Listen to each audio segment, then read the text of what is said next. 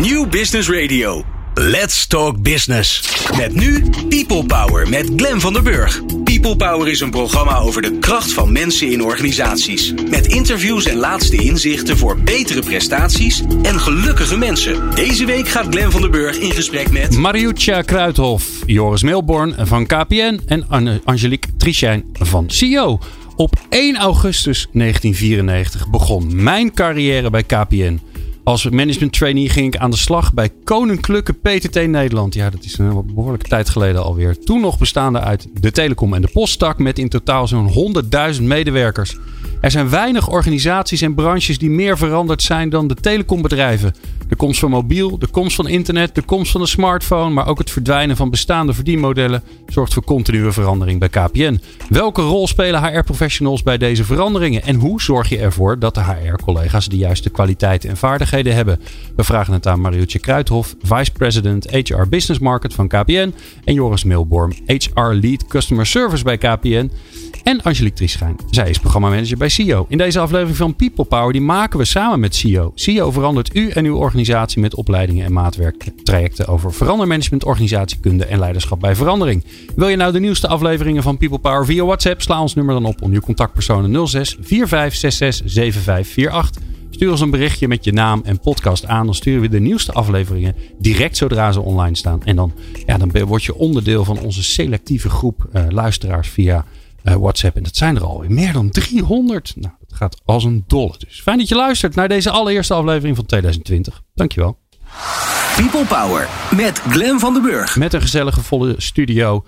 Ja, eh Mariuccia, Joris en Angelique, bijzonder welkom. Leuk dat jullie er dus allemaal zijn. Dankjewel. Alle microfoons zijn, eh, zijn gevuld. Ja, het is toch eh, ja, een soort flashback voor mij. KPN, mijn allereerste eh, werkgever. Ongelooflijk veel geleerd. Ik heb er maar 4,5 jaar gezeten. Maar ja, zo'n eerste werkgever is toch altijd wel al belangrijk in je, in je carrière. Mhm. Ehm, ondertussen heel erg veranderd. Maar ook in mijn tijd al. Dus, dus, dus ruim 20 jaar geleden was het al continu in beweging. Mariotja, waarom is die wereld van, van, van KPN, waarom verandert daar nou zoveel? Ja, goede vraag. En, eh, en heel mooi om te horen, Glenn, dat jij natuurlijk eh, bij KPN destijds eh, gestart bent. Ik ben nog steeds groen. Kijk, dat is, Ja. eh, dat is sowieso mooi om te horen. Ja, ik denk dat eh, de telecomsector gewoon in zijn geheel eh, snel verandert. En daar maakt KPN onderdeel natuurlijk van uit. De concurrentie is natuurlijk fors. En ja, de, de veranderingen gaan gewoon in hoog tempo door. Dus het is noodzakelijk voor ons om veranderingen door te blijven voeren. Ja. Ja, Kun je nou concluderen dat, ehm, ehm, wat, wat ik zie, maar die moet me maar even corrigeren Ja. of ik het goed zie, is het enerzijds gaat die technologie heel snel. Hè? Nu ga je alweer naar 5G en dan kunnen we weer allerlei dingen mee die we ons nu niet eh, kunnen voorstellen. Eh, anderzijds is het ook wel heel snel weer gemeengoed. Eh, Dus het is niet zo dat je kunt zeggen, nou de komende vijf jaar hebben wij 5G, dus dan hebben wij een premium product. Want nou ja, dat, dat duurt een half jaartje en daarna dan, ja, ga je dan, weer door. dan heeft iedereen Ja, het toch? Klopt, ja. Maar daar niet Ja. helemaal gestoord van op een gegeven moment. Nou, persoonlijk vind ik het juist wel leuk, want dat zorgt ervoor dat ik eh, deze sector eh, enorm interessant eh, vind. Hè, dus het is nooit saai bij ons. En vanuit HR gezien zorgt het er natuurlijk voor dat wij ja, gewoon leuke uitdagingen hebben en heel veel werk. Dat klopt. Ja. Ja, En Ja. ik, eh, ehm, wat ik me ook voor kan stellen, dat het qua strategie vanuit, K- vanuit KPN steeds verandert. Want die moet natuurlijk ook meebewegen met wat er gebeurt in de wereld. Ga je wel of geen content doen?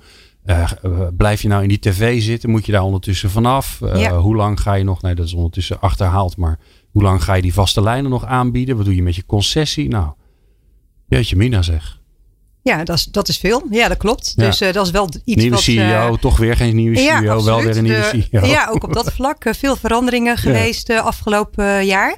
Gelukkig is het nu allemaal duidelijk en onze strategie staat. We hebben een nieuwe CEO. Het is gewoon duidelijk wie we zijn, wat we gaan doen. En dat, dat voeren we nu, nu uit. Dus de nieuwe organisatie staat ook. En wij vanuit HR kunnen ook echt onze rol pakken om datgene wat we moeten doen ook dagelijks te doen. Lijkt me best ja. wel lastig, want het is ook wel een organisatie waar, waar de, de CEO uh, een, een sterk persoon is geweest. Als een aanwezige CEO. Ja. Ook wel uh, veel geprezen overigens. Mm -hmm. Ook voor hun werk.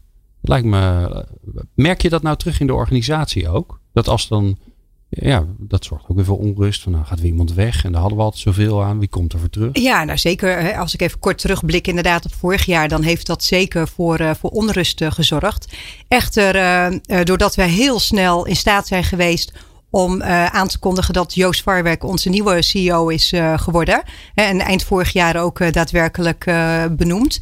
Ehm, merk je gewoon dat dat voor heel veel rust heeft gezorgd. Dus er is weer heel veel vertrouwen in de organisatie teruggekomen. Dus na een redelijk onrustig jaar is dat aan het eind van het jaar alweer uh, volledig hersteld. En merk je nogmaals dat we gewoon datgene wat eerder bedacht is met, nou, met het managementteam, dat we daar mee door kunnen gaan. Dat we de strategie kunnen uitvoeren. Dat wij vanuit HR in een volgende fase terecht zijn gekomen. En dat we dus gewoon dingen kunnen doen. Dus mensen zijn ook wel weer ja, vertrouwd met wat er is en wat er gaat gebeuren. Hoe zou je de rol van, van HR omschrijven in, dit, in zo'n turbulente wereld? Wat, ja, wat, welke rol spelen jullie daarin? Ja, nou, ik denk dat wij daar, eh, of ik vind dat wij daar een hele belangrijke rol in spelen.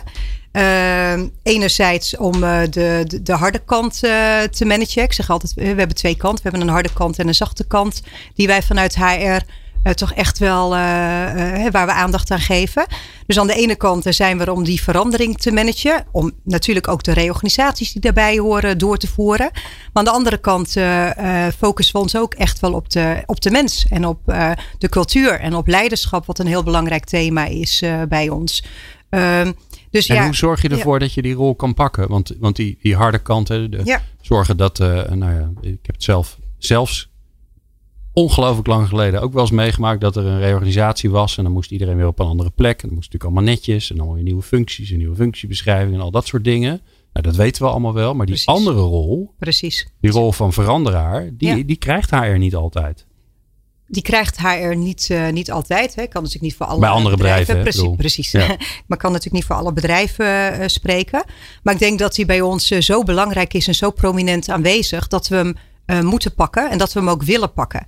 En de afgelopen jaren hebben we ook echt wel veel aandacht uh, besteed aan de nieuwe HR-organisatie. En CEO kwam daarbij voor ons op het juiste moment, want wij konden ervoor zorgen dat onze rol uh, steviger werd. Waardoor het voor een ieder zeg maar, ook duidelijker was om die rol te pakken in een MT. Ja. ja. Maar Joris, wordt die, krijg je die vraag ook? Hè? Want daar begint het natuurlijk bij. Je kunt het wel willen, maar je moet ook de ruimte krijgen om het, om het te doen. Ja, absoluut. Daar heb je gelijk in. En die vraag krijgen we ook. Uh, ik, ik, kan vanuit deze rol niet van, voor ieder individu spreken. Hè. Wellicht dat het in een grote firma als KPN niet overal op dezelfde manier gaat. Maar als ik kijk naar mijn eigen rol, dan is HR een hele dominante factor in ons, uh, in ons managementteam. Mm -hmm. En kijken we ook heel erg vanuit, vanuit die gedeelde blik naar hoe is het voor de medewerker en de organisatie. Uh, hoe richten we het bedrijfsmodel zo optimaal mogelijk in. Dus daar heeft HR gewoon een hele grote rol in. Ja, en, en uh, hoe moet ik dat voor me zien? Uh, de, uh, jij zit bij, bij customer service. Dat is, dat is vast iets van een business line. Of nou, daar heb je vast een mooie andere naam ondertussen voor. Maar van KPN. Ja, dat klopt. Ja, dat klopt.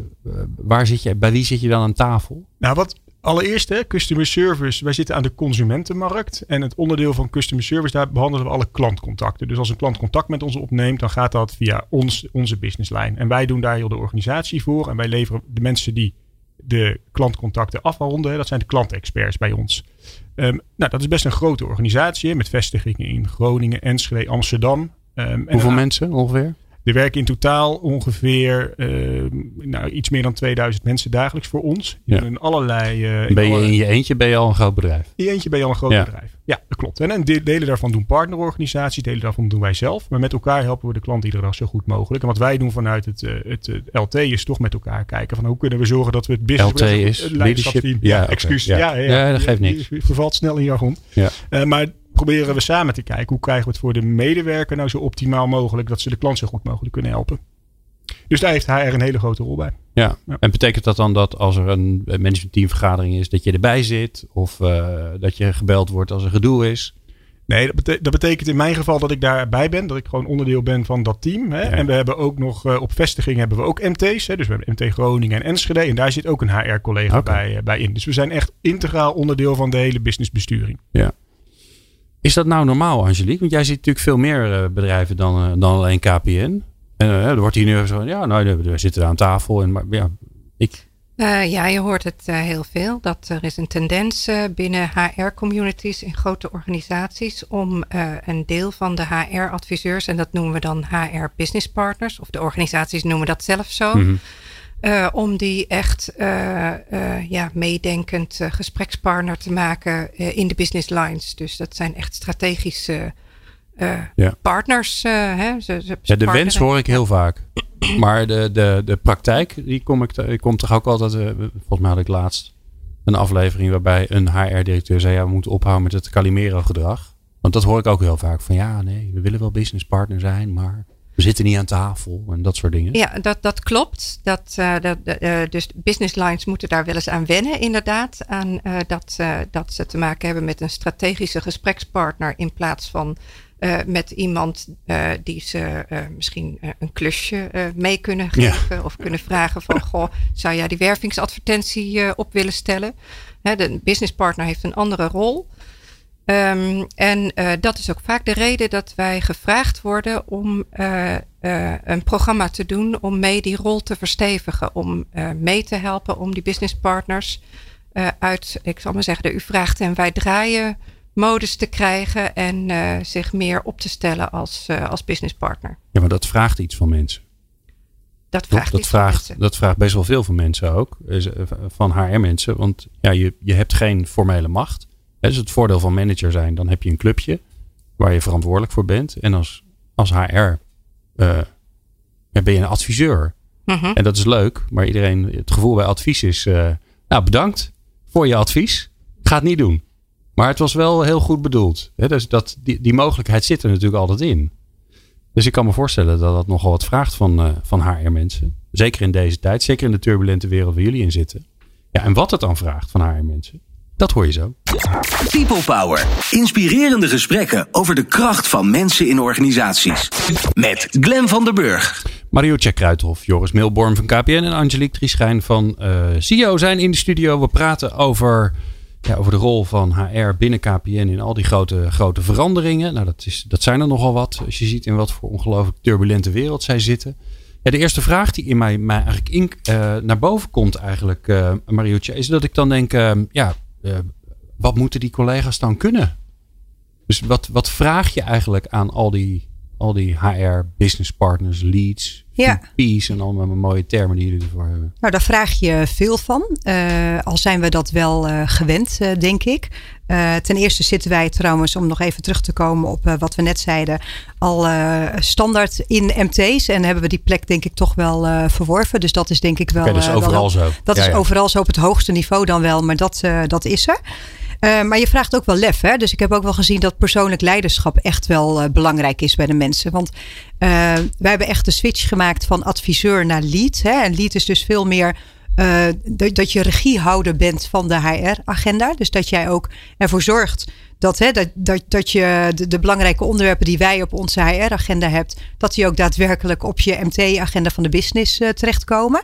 En dat jij daar eigenaar van bent samen met je businessbaas. En die dus ook daadwerkelijk uitrolt en uh, hè, samen met, uh, met je team oppakt. Um, en uh, de meeste mensen vinden dat ook leuk natuurlijk. Hè? Dus, want dat willen ze ook. Het moet ook mogelijk gemaakt worden vanuit de HR-organisatie. En daar werken we heel hard aan. Door, door een goede samenwerking binnen HR de juiste onderwerpen te laden. Waardoor je met een onderwerp zoals leiderschap bijvoorbeeld naar je team gaat om dat verder uit te rollen. Ja, en dan, dan heb je altijd de, de, zeg maar, gezamenlijke verantwoordelijkheid voor de mensen. Want ja. de, de lijnbaas, de manager of de, de scrum master of uh, hoe we squad lead, weet ik veel hoe die mensen allemaal tegenwoordig heten. Die, ja, die is ook verantwoordelijk voor, Zeker. voor zijn clubje of voor haar clubje. Um, en dan wil HR, die wil er ook wat mee. Dus hoe zorg je er nou voor dat je dan ja, dat kan natuurlijk tot gedoe leiden. leiden ja, nou, ik denk dat goed idee, gaan we niet doen. Tuurlijk, dat, uh, dat, dat, zal zeker wel eens uh, voorkomen. Uh, maar in principe is het ook natuurlijk wel iets wat je gezamenlijk oppakt. Dus ten eerste vorm je zo'n HR-agenda. die vorm je natuurlijk niet vanuit HR alleen. Hè? Je kijkt naar je businessbehoeften, ja. wat erop moet komen. Dus die HR-agenda zou voor 80, 90 procent vanuit de business al direct herkend moeten worden. Want die behoeftes vanuit de business hebben daar al een belangrijke plek op gekregen. En voordat je het ook gaat uitrollen, ik ga nooit uh, tegen een MT, mijn, mijn, eigen MT zeggen van joh, vanaf volgende week gaan we dit doen. Nee, dan, dan zorg ik dat ze meegenomen worden in het verhaal.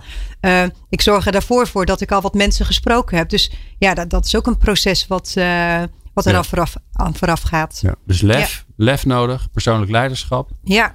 Nou, dat is, nog, dat is al een onderwerp, daar kun je al jaren mee bezig zijn. Ja. Om dat een beetje scherp bij jezelf te krijgen. Wat nog meer?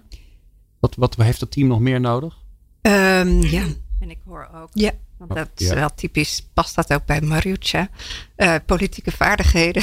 Die Oh. hoor ik hier enorm doorklinken door, door het verhaal. Misschien Politieke vaardigheden, Ja. wat zijn dat? Ja. Ja, dat is wel mo- mooi dat je die eh, noemt, eh Angelique. Eh, ik denk dat dat inderdaad wel, ja, het is grappig dat je dat zegt. Dat het is iets, misschien door de cursus bij mij ook wel weer even wat duidelijk geworden. Dat ik denk, ja, dat is toch echt wel iets wat, wat, wat ik misschien wel een soort van standaard eh, toepas.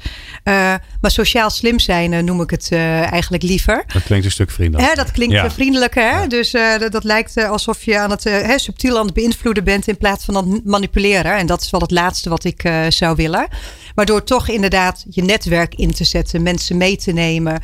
En voor te zorgen dat iets waar je zelf ook in gelooft, waarvan je weet dat het goed is voor de business, ook daadwerkelijk uit te voeren. Ja. Ja. want dat hoor je vaak. Hè, dat politiek wordt vaak gebruikt als Iets wat eh, negatief en is. En, Ja, Maar eh, ik heb Jeroen Buescher ooit wel eens horen zeggen... ja, dat is, eh, het is gewoon de, de sociale smeerolie van de organisatie. precies. Dus er is niks mis met, met politiek. Nee. Dat is er nou. Als je veel mensen bij elkaar zet, dan krijg je dat nou eenmaal. Precies, en niet- dat is, dat is er bij ons zeker Ja. ook natuurlijk. En, en ik denk dat wanneer je daar gewoon op een slimme manier mee omgaat en dat op een goede manier inzet, dat je er veel mee kunt bereiken. Ja. Ja, Nou ja, dat, en, en dan ga je kijken naar je team. En dan, dan denk je, hé, hey, eh, ik heb onwijs goede, leuke mensen. Ongetwijfeld. Want anders werken ze niet met jou, met jullie. Ehm, maar je moet ook bepalen wat er nodig is om, om weer volgende stap te zetten. Hoe doe je dat? ja nou, wij hebben zelf ook best wel een, eh, een, een, nou, zo'n groot traject dus het afgelopen jaar eh, gehad. Ehm, het voordeel was dat we eigenlijk alle mensen zeg maar nodig hadden die we al hadden. Hè, dus qua aantallen. Dus dat we ook echt met de mensen in gesprek konden gaan om te kijken van wil je en pas je bij dat nieuwe profiel. En zie je jezelf ook in die nieuwe leadrol eh, stappen.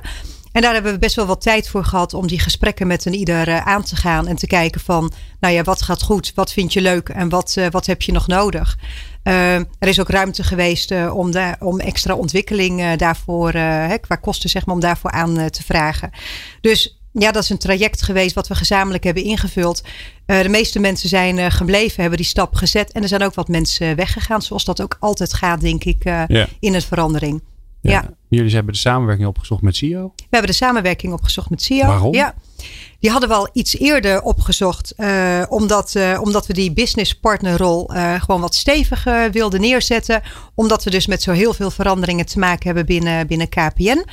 Eh, en omdat we de mensen toch wat meer eh, theoretische kennis eh, wilden meegeven. Desnoods wat tools, zeg maar, om in te kunnen zetten. Ehm, en zo zijn we dat traject begonnen. Op het moment dat wij als HR-organisatie ook echt wel in een zware fase zaten. Omdat we ook zelf aan het veranderen waren. En dat hebben we eigenlijk niet eerder Ja, meegemaakt. dan ben je zelf aan het veranderen in een veranderende organisatie. Klopt, nou, een dat soort zeg je helemaal goed. Ingewikkeld drost-effect wordt dat. Ja, dat, niet in mijn hoofd past, merk ik nu. Nou ja, dat past ook in heel veel hoofden van Ja. de HR-mensen op dat moment eh, niet. Ja, nee, Ja. dan moet je adviseren aan, aan de club waar je, Ja. eh, waar je aan verbonden bent, hoe ze dat moeten doen, terwijl je zelf ook aan het veranderen bent. Oei, ja. Wij vonden dat trouwens ook best pittig Ja, vanuit CEO. Eh, eh, eh, want wij hadden al snel in de gaten, bij aanvang van de opdracht werd al verteld van, ja, er komt vlak voordat jullie starten, komt er een aankondiging van een reorganisatie bij KPN. Die aankondiging kwam ook in november 2018 en in januari zouden wij starten. Eh, en dat bleek dus inderdaad een reorganisatie te zijn waarbij ook mensen de club zouden verlaten. En de HR-mensen waren daar natuurlijk volop mee bezig. Dus wij zagen al een doelgroep waarvan we dachten van, oh, die zijn eigenlijk heel erg druk in hun Mhm. hoofd met andere dingen. Eh, en halverwege het programma eh, was de HR-community zelf ook aan de beurt. Hè. Er werd ook een reorganisatie eh, doorgevoerd. Dus dat waren, die zaten inderdaad met die dubbele agenda ja. bij ons in de groep. Was, en Angelique, waar, waar, waar, begin je dan? Want ik, jij, komt, jij komt dan van buiten, hè? dat is altijd Ja. interessant, want dan zie je weer Ja. dingen eh, fris. Maar je komt dan van buiten bij, bij KPN dan aan tafel en je hoort dan dit verhaal. En dan denk Ja. je, oh, nou, ik weet wel wat hier moet gebeuren. Ja. Eh, nou, nee, niet. Dat zo, zo makkelijk gaat dat niet. nee, dat zou betekenen dat je een soort standaard programma hebt wat je voor iedereen zo, eh, zo afdraait. Maar zo gaat dat niet. Ehm, en zeker in dit geval niet. We hebben ehm, heel nauw eh, samengewerkt met eh, twee eh kei goede learning and development adviseurs van, van KPN. waarvan de heer één. Uh, ja, er zit er één silent naast je, hè, Marieke? ja, Marieke is geweldig. Ja, ja, dat is absoluut waar. En Arco Quist ook niet, uh, niet uit te vlakken, is hier niet bij. Maar uh, enorm veel uh, gesprekken met die twee mensen gehad. Die hebben als het ware zijn die de spreekbuis van de HR-community geweest. En samen hebben we iedere bijeenkomst, eerst het hoofdprogramma, de hoofdstructuur. En vervolgens iedere bijeenkomst met ze vorm gegeven. En vervolgens ook nog eens getoetst met een groepje um, HR business partners. Dus de doelgroep, de deelnemers. En Joris heeft daar ook van deel uitgemaakt van het groepje om te checken van het programma zoals we dat in de volgende bijeenkomst gaan, gaan doen.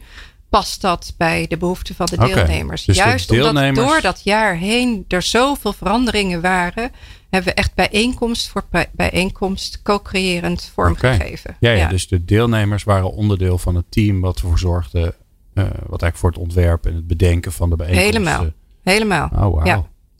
Dus ook wel ingewikkeld werken. Maar dat betekent dat je, niet zo, dat je, dat je, dat je minder tijd hebt in de voorbereiding.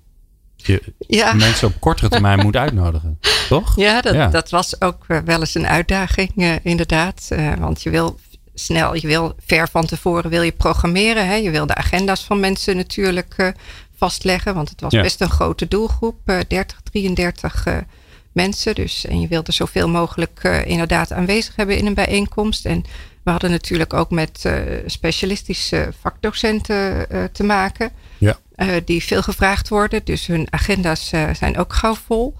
Dat was wel eens een uitdaging. Ja. ja.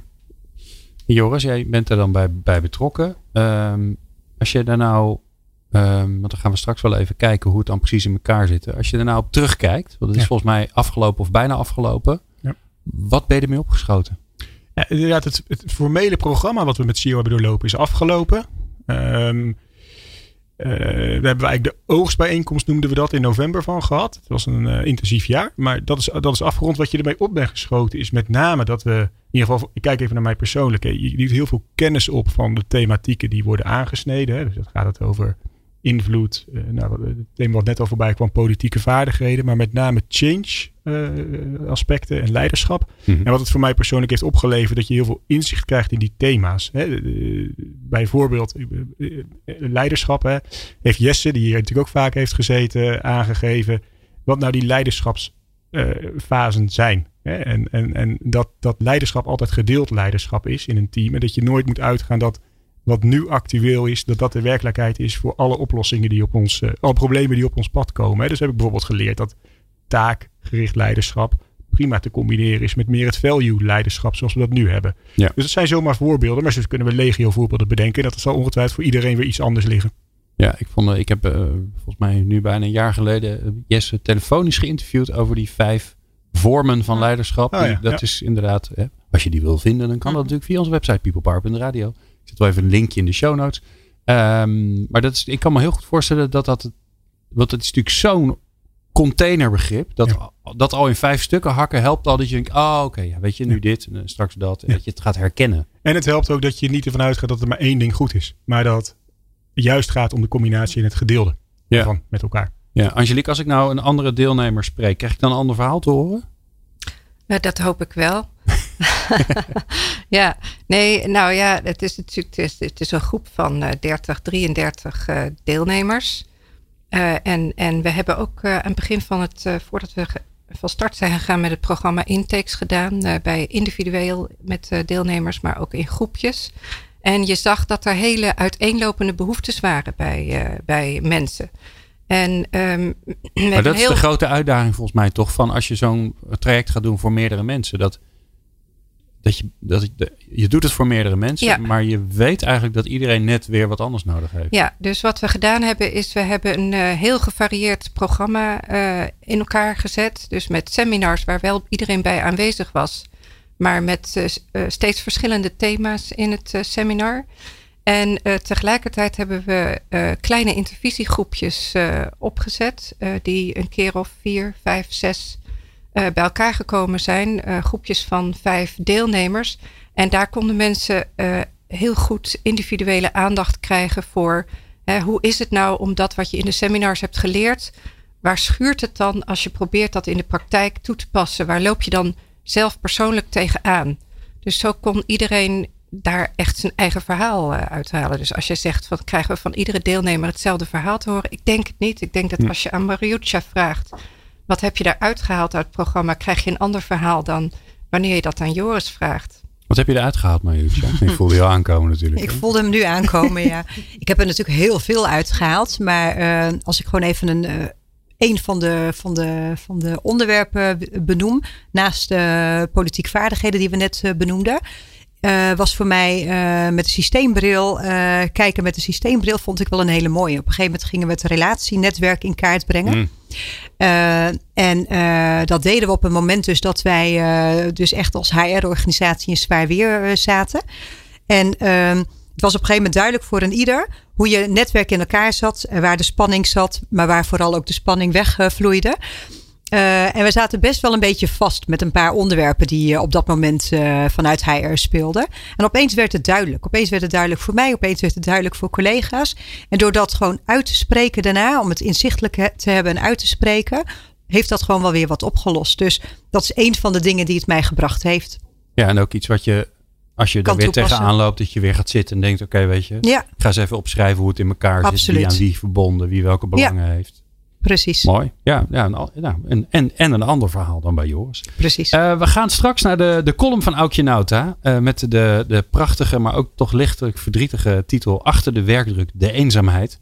Uh, en daarna ben ik ongelooflijk benieuwd in ja, hoe dat traject dan specifiek keur in elkaar zat. En vooral ook, wat gebeurt er dan tijdens die intervisies? Waar gaat het dan eigenlijk over? Hoor je straks. Meepraten? Meepraten? Of meer programma's? people-power.nl En Aukje Nauta is aan de telefoon. Ja, Aukje? Ja. Ja, het is gelukt. Ja, dat heeft de luisteraar niet gezien, maar um, uh, ik moest een beetje jong leren met telefoon en allemaal knoppen en alles tegelijk. Dus ik ben heel blij. Maar voor de luisteraar die denkt, wat is er aan de hand? Waarom is hij zo blij? Nou, sowieso omdat ik jou aan de lijn hou, heb, want dat is altijd feestelijk. In het nieuwe jaar met de allerbeste wensen. Ja, ook van mij voor jou en voor de luisteraars. Dat het maar een schaamteloos jaar mag worden. Ja. Ja, hè? Dat hoop ik ook. Ja, ja want daar gaat mijn column natuurlijk eigenlijk ook weer stiekem een beetje over. Het hele jaar gaat daarover. Precies, ja. Zal ik maar van start dan? Ja, ik kan je nog ronkend in, uh, introduceren, maar iedereen weet al dat je adviseur en eigenaar bent van Factor 5. En dat je ook nog eens een keer bijzonder hoogleraar enhancing individual in de Dynamic Work Context aan de Universiteit van Leiden bent. Dus dat hoef ik niet meer te vertellen. Daarom. Dus, uh, nou, dan begin ik maar. Ja. En dan begin ik te vertellen over het boek uh, Dare to Lead van Brené Brown, ook zo'n schaamtedeskundige. En in dat boek las ik een verhaal over een kolonel die haar troepen toespreekt. Nou, vanuit de zaal krijgt ze een lastige vraag, namelijk uh, of het tempo van de huidige werkprocessen omlaag kan. Omdat iedereen best wel heel erg moe is. Nou, die kolonel die geeft toe dat het inderdaad druk is. Maar ze vertelt ook wat ze onlangs ergens gelezen heeft, namelijk dat werknemers vaak niet moe zijn door te veel werk, maar doordat ze eenzaam zijn. Spontaan vraagt ze wie in de zaal eenzaam is. En dan gaat maar liefst een kwart van de handen omhoog. Even weet ze niet hoe ze verder moet. En dan besluit ze om maar heel eerlijk te reageren. Ze zegt: Dit breekt mijn hart. En ik weet eigenlijk niet wat ik nu moet doen. Want als jullie het te druk hebben, dan kan ik zeggen: neem wat rust. Maar als jullie je eenzaam voelen, dan maak ik het probleem alleen maar erger als ik je alleen naar huis stuur. Haar openheid zorgt ervoor dat ze die middag diepgaand met elkaar in gesprek gaan over hoe ze elkaar helpen als iemand zich eenzaam voelt. Hoe ze hechtere banden kunnen smeden. Nou, terwijl ik dit verhaal las, moest ik denken aan een case die ik zelf recent in kaart bracht. Hij gaat over vitaliteit bij een grote overheidsorganisatie. Vijf jaar geleden had deze organisatie last van reorganisatiepijn. Er moest fors bezuinigd worden. 1500 FTE moest weg. Nou, ik weet nog hoe ik in die tijd een interne bijeenkomst bijwoonde. De directeur sprak net als die Amerikaanse kolonel vrij openhartig, namelijk dat hij zag dat de organisatie momenteel wel een achtbaan leek met veel ups en vooral downs waar mensen doorheen gingen. Hij benoemde de onzekerheid die mensen voelden, zoals dat mensen bang waren voor hun baan en of ze dan wel nieuw werk zouden vinden. Hij noemde nog net niet de term eenzaamheid. Maar je kan je voorstellen dat eenzaamheid gemakkelijk opspeelt als je wegbezuinigd wordt. Want zoiets voelt als een afwijzing. Ook, zal, ook al zal men er nog zo bij zeggen dat je het niet persoonlijk moet opvatten. Afwijzing en buitensluiting zijn zo'n beetje de ergste dingen die een mens kan overkomen. We zijn nu eenmaal kuddedieren. Maar gelukkig besloot deze organisatie om de reorganisatiepijn actief te bestrijden. En wel door volop aandacht te besteden aan vitaliteit. Sindsdien hebben ze van alles gedaan, zoals leefstijlcoaching aanbieden en wereldcafés organiseren. En dat is een werkvorm waarmee grote groepen medewerkers met elkaar in gesprek gaan. Wat ze ook organiseren, steeds kwamen ze op hetzelfde uit. Het sociale aspect is cruciaal. Zo bleek leefstijlcoaching vooral te werken als men met een heel team gecoacht werd. Want dan gaan mensen elkaar aanmoedigen.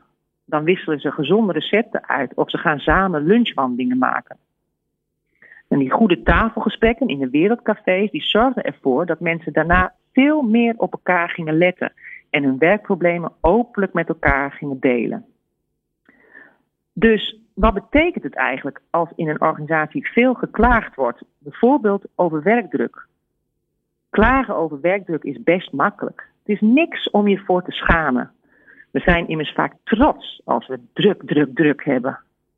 Maar wat als werkdruk geen werkdruk is, maar rauwe eenzaamheid? Dan is elk gesprek waarin het slechts over werkdruk gaat een oppervlakkig gesprek, waardoor mensen zich alleen maar nog eenzamer gaan voelen. Wees dus als leider een beetje moedig. Dare to lead, raadt Brené Brown ons al aan. En vraag net als die kolonel door of er achter de werkdruk niet iets anders zit, namelijk dat mensen zich eenzaam voelen in de problemen die ze op het werk tegenkomen. Als je zo'n rauwe, schaamtevolle emotie benoemt en liefst ook toegeeft dat je die zelf wel eens ervaart, open je de deur naar een eerlijk gesprek waarin mensen nader tot elkaar komen en de werkdruk wel eens als sneeuw voor de zon zou kunnen verdwijnen. Zo. Dat belooft dat voor 2020, Aukje? Tja, is misschien wel een beetje zware kost. Nee, ja, nee dat mag. richting eh, Blue Monday vandaag. Oh, die sla ik altijd over. Ehm, nee, nee, ik, eh, ik- nee, fijn. Schaamteloos en eh, nog dichter bij de mensen. Dan gaat het wel snel over echte thema's. Dus ik vind het alleen maar mooi. Mooi zo. Ik dank je zeer en eh, ehm, ik zie je snel weer. En, en, en verder dan alleen maar luisteren naar je, naar je column. want Dat is al een feest, maar ehm, ik mis je soms wel eens een beetje. Oh, wat lief. nou, tot gauw weer. Tot snel. Hoi hoi. People Power op Nieuw Business Radio. Ik ben Mark Jansen, senior medewerker Learning and Development bij Paresto, de cateraar van het ministerie van Defensie. En in mijn organisatie verdwijnt elke mist en de lucht wordt steeds blauwer, omdat ook ik luister naar People Power. Meepraten of meer programma's? people-power.nl Mariotje Kruitenhof, eh, Joris Meelborn van KPN en Angelique Trieschijn, Ties- Trieschijn, ik moet het wel goed zeggen, van eh, CEO in de studio. Ehm, ja, we, we hebben het over het, eh, al kort even over het programma gehad. eh, seminars en eh, intervisie. Maar denk wel goed om even dat goed scherp te krijgen, Angelique. In vogelvlucht, hoe ziet zo'n programma eruit? Hoe lang duurt het? Nou, dit programma, zoals we dat vormgegeven hebben, dat heeft een maand of tien geduurd. Elf maanden elkaar, ja. Van januari tot november. Eh, in januari zijn we gestart met eh, intakes. Hebben we gevraagd aan de deelnemers van wat zijn de vraagstukken waar jullie mee worstelen. En rondom die vraagstukken, rondom hun actuele casuïstiek, hebben we het programma vormgegeven. En we zijn toen begonnen met een startbijeenkomst. Eh, we hebben door het jaar heen drie tweedaagse seminars eh, gehouden. En tussen die seminars hebben steeds kleine groepjes intervisiebijeenkomsten met elkaar gehad. Eh, een stuk of vier, vijf, zes al naar gelang de behoefte. Eh, in groepjes van vijf eh, mensen. En het programma is afgesloten met een oogstbijeenkomst. Dat is denk ik ook nog wel leuk om, om het over te hebben. Want in zo'n oogstbijeenkomst hebben deelnemers nog eens neergezet zelf wat voor hun, naar hun idee de opbrengst was van dit programma. Wat wel grappig was, is dat wij hebben een voorbespreking gehad, nog vanmorgen. En eh, Joris en Mariuccia waren het erover eens dat eigenlijk zo'n radio-uitzending als dit de ultieme oogstbijeenkomst is. Omdat je dan nog eens goed nagaat met elkaar van wat hebben we nou gedaan. Ja, grappig. En Omdat ik we zou het nog sterker dat- vertellen. Ja, Ik heb dat eh, vijf jaar geleden voor het eerst gedaan in een programma wat ik zelf eh, bedacht had. Daarin was het, de afsluiting van het programma was dat we met nog veel meer mensen, iedereen, alle deelnemers nodigden mensen uit. En die gingen met elkaar gingen ze een radioprogramma maken. Nou, dat was hun oogst. laten we afspreken, Glenn, Volgende dat we keer, dat met hè? ieder Ja. programma zo doen. Ja. Oh, oké. Ja, moet wel oppassen dat ik het niet druk krijg. Hè. Dat was nou ook weer niet de bedoeling voor, eh, voor volgens Aukje Nouten. Eh, mooi, ja, mo- mooi programma. Die die intervisie vind ik wel interessant. Want dat, hè, dat je seminars doet, dat er slimme mensen zijn die je op, op een hele eh, fijne, interactieve manier allerlei eh, goede kennis eh, meegeven. Dat snap ik wel. Maar die intervisie, dat, ik vind dat zelf altijd wel een mooi middel. E- Even heel snel, wat is het? Ja, eh, nee, ik ga toch ook nog even in op die seminars. Ja. Want het gaat daar niet alleen, het is niet zo dat we daar hoorcolleges staan te geven. Dat is wel eens een misverstand, eh, Mhm. inderdaad. Maar eh, er wordt echt gewerkt met eh, mensen. Er wordt ook geoefend met eh, nieuwe stof die daar aan de orde komt. Dus dat dat even geen misverstand is. Ja, en de intervisie, wat, wat vroeg je daar ook weer over? Ja, wat het is. Hoe, Ja. Want iedereen heeft het er altijd over. Maar wat, wat ga je doen met elkaar? Nou, nou concreet komt er een, een klein groepje van deelnemers eh, bij elkaar. Die, eh, die ieder zo hun eigen persoonlijke uitdaging hebben. Dus we mixen dat ook graag op, eh, op persoonlijke uitdagingen. Op skills. Waar ben je goed in? Waar ben je minder goed in? Dat er een leuke mix ontstaat. Van vijf, zes, soms zeven deelnemers bij elkaar. En die komen een halve dag bij elkaar. En waar het over gaat is dan je hebt in zo'n seminar van alles geleerd. Nu ben je het in de praktijk aan het toepassen. Waar loop jij dan tegenaan? Hm. En hoe heeft dat met jou te maken? Met hè, wat met jouw kracht, met misschien jouw valkuilen. Hè, dus en hoe komt dat? En daar, daar gaat het dan over. Ja, mooi. Dat hebben jullie natuurlijk ongetwijfeld gedaan. Joris en Mari-. Joris, eh, eh, volgens mij interessant aan intervisie is datgene wat er in, in de intervisie gezegd wordt, gaat nooit naar buiten. Klopt. Zodat je eerlijk met elkaar kan praten. Ja. Dus waar ging het bij jou over? Goeie vraag. Nou ja, kijk, het mooie van die intervisie is inderdaad dat je met elkaar in vertrouwde setting, kleine setting, je hebt veel tijd met elkaar en het werd begeleid door collega's vanuit CIO. Eh, dus we hadden altijd een begeleider in de, in de intervisiegroep zitten. En je bekijkt wie op dat moment zich vrij voelt om een thema in te brengen. En samen bespreek je dat ehm, echt tot in bits en bytes door. Zodat degene die het vraagstuk inbrengt ook echt geholpen is. En ehm, nou, die vertrouwde setting, die... eh, die- doe je het dan zo dat degene die het vraagstuk inbrengt centraal staat? ja, die Dat is degene die geholpen wordt door de rest. Ja, die wordt geholpen door de rest, Ja, ja. met name door vragen te stellen, steeds scherpere vragen, die, verdiepende vragen, om zo te zorgen dat die, eh, dat die persoon geholpen wordt. Ja, Ja. Los van de inhoud, hè? wat Ja. leer je nou in die intervisie? Door de manier waarop je het doet. nou, twee dingen. Hè. Op de eerste plaats leer je heel erg dat kwetsbaarheid loont. En dat, hè, dus dat, dat als je wat inbrengt, dat, dat, dat je daar eigenlijk niet alleen in staat. Je hebt heel vaak het idee dat, dat je de enige bent op aarde die allerlei vragen of onzekerheden ervaart. Nou, dat blijkt in de praktijk bij intervisie niet zo te zijn. En ten tweede, het lost ook vaak een probleem op. Hè, dus je, je, je, je bent en je onzekerheid en iets kwijt, maar je hebt ook nog eens een antwoord. Hè. Dus het is ook wel eens nieuwe inzichten leiden gewoon tot groei bij jezelf. En dat besef. Dus het is ook een beetje lotgenotencontact. Van, oh, Absoluut. ik ben niet, eh, ik ben niet gek. Ja, ja en, en het helft heeft er daarnaast ook bij geholpen dat, het, dat wij nu weer als vliegwiel fungeren om te zorgen dat we dit ook in de business veel meer gaan doen. Hè? Dat ook managers intervisie met elkaar organiseren. Om, weet je, dus het, is, dit gaat meerdere kanten op. Mooi. Ja. Ja. Want je hebt ook, je hebt ook een tool geleerd We eigenlijk. hebben ook een tool geleerd. Ja, Ja. Je leert inderdaad ook gewoon met elkaar iets hoe, hoe je niet alleen een business, maar ook gewoon jezelf, mensen, professionals verder brengt. Ja, Mariotje, gaat het dan ook door? Want dat hoop je natuurlijk. Eh, het gaat door, maar dan zonder begeleiding. En Ja. eh, de ene groep pakt het eh, ja, wat serieuzer op dan de andere. Maar zo gaat het vaak met Ja, heel veel dus- in het leven, denk ja. ik. Hè?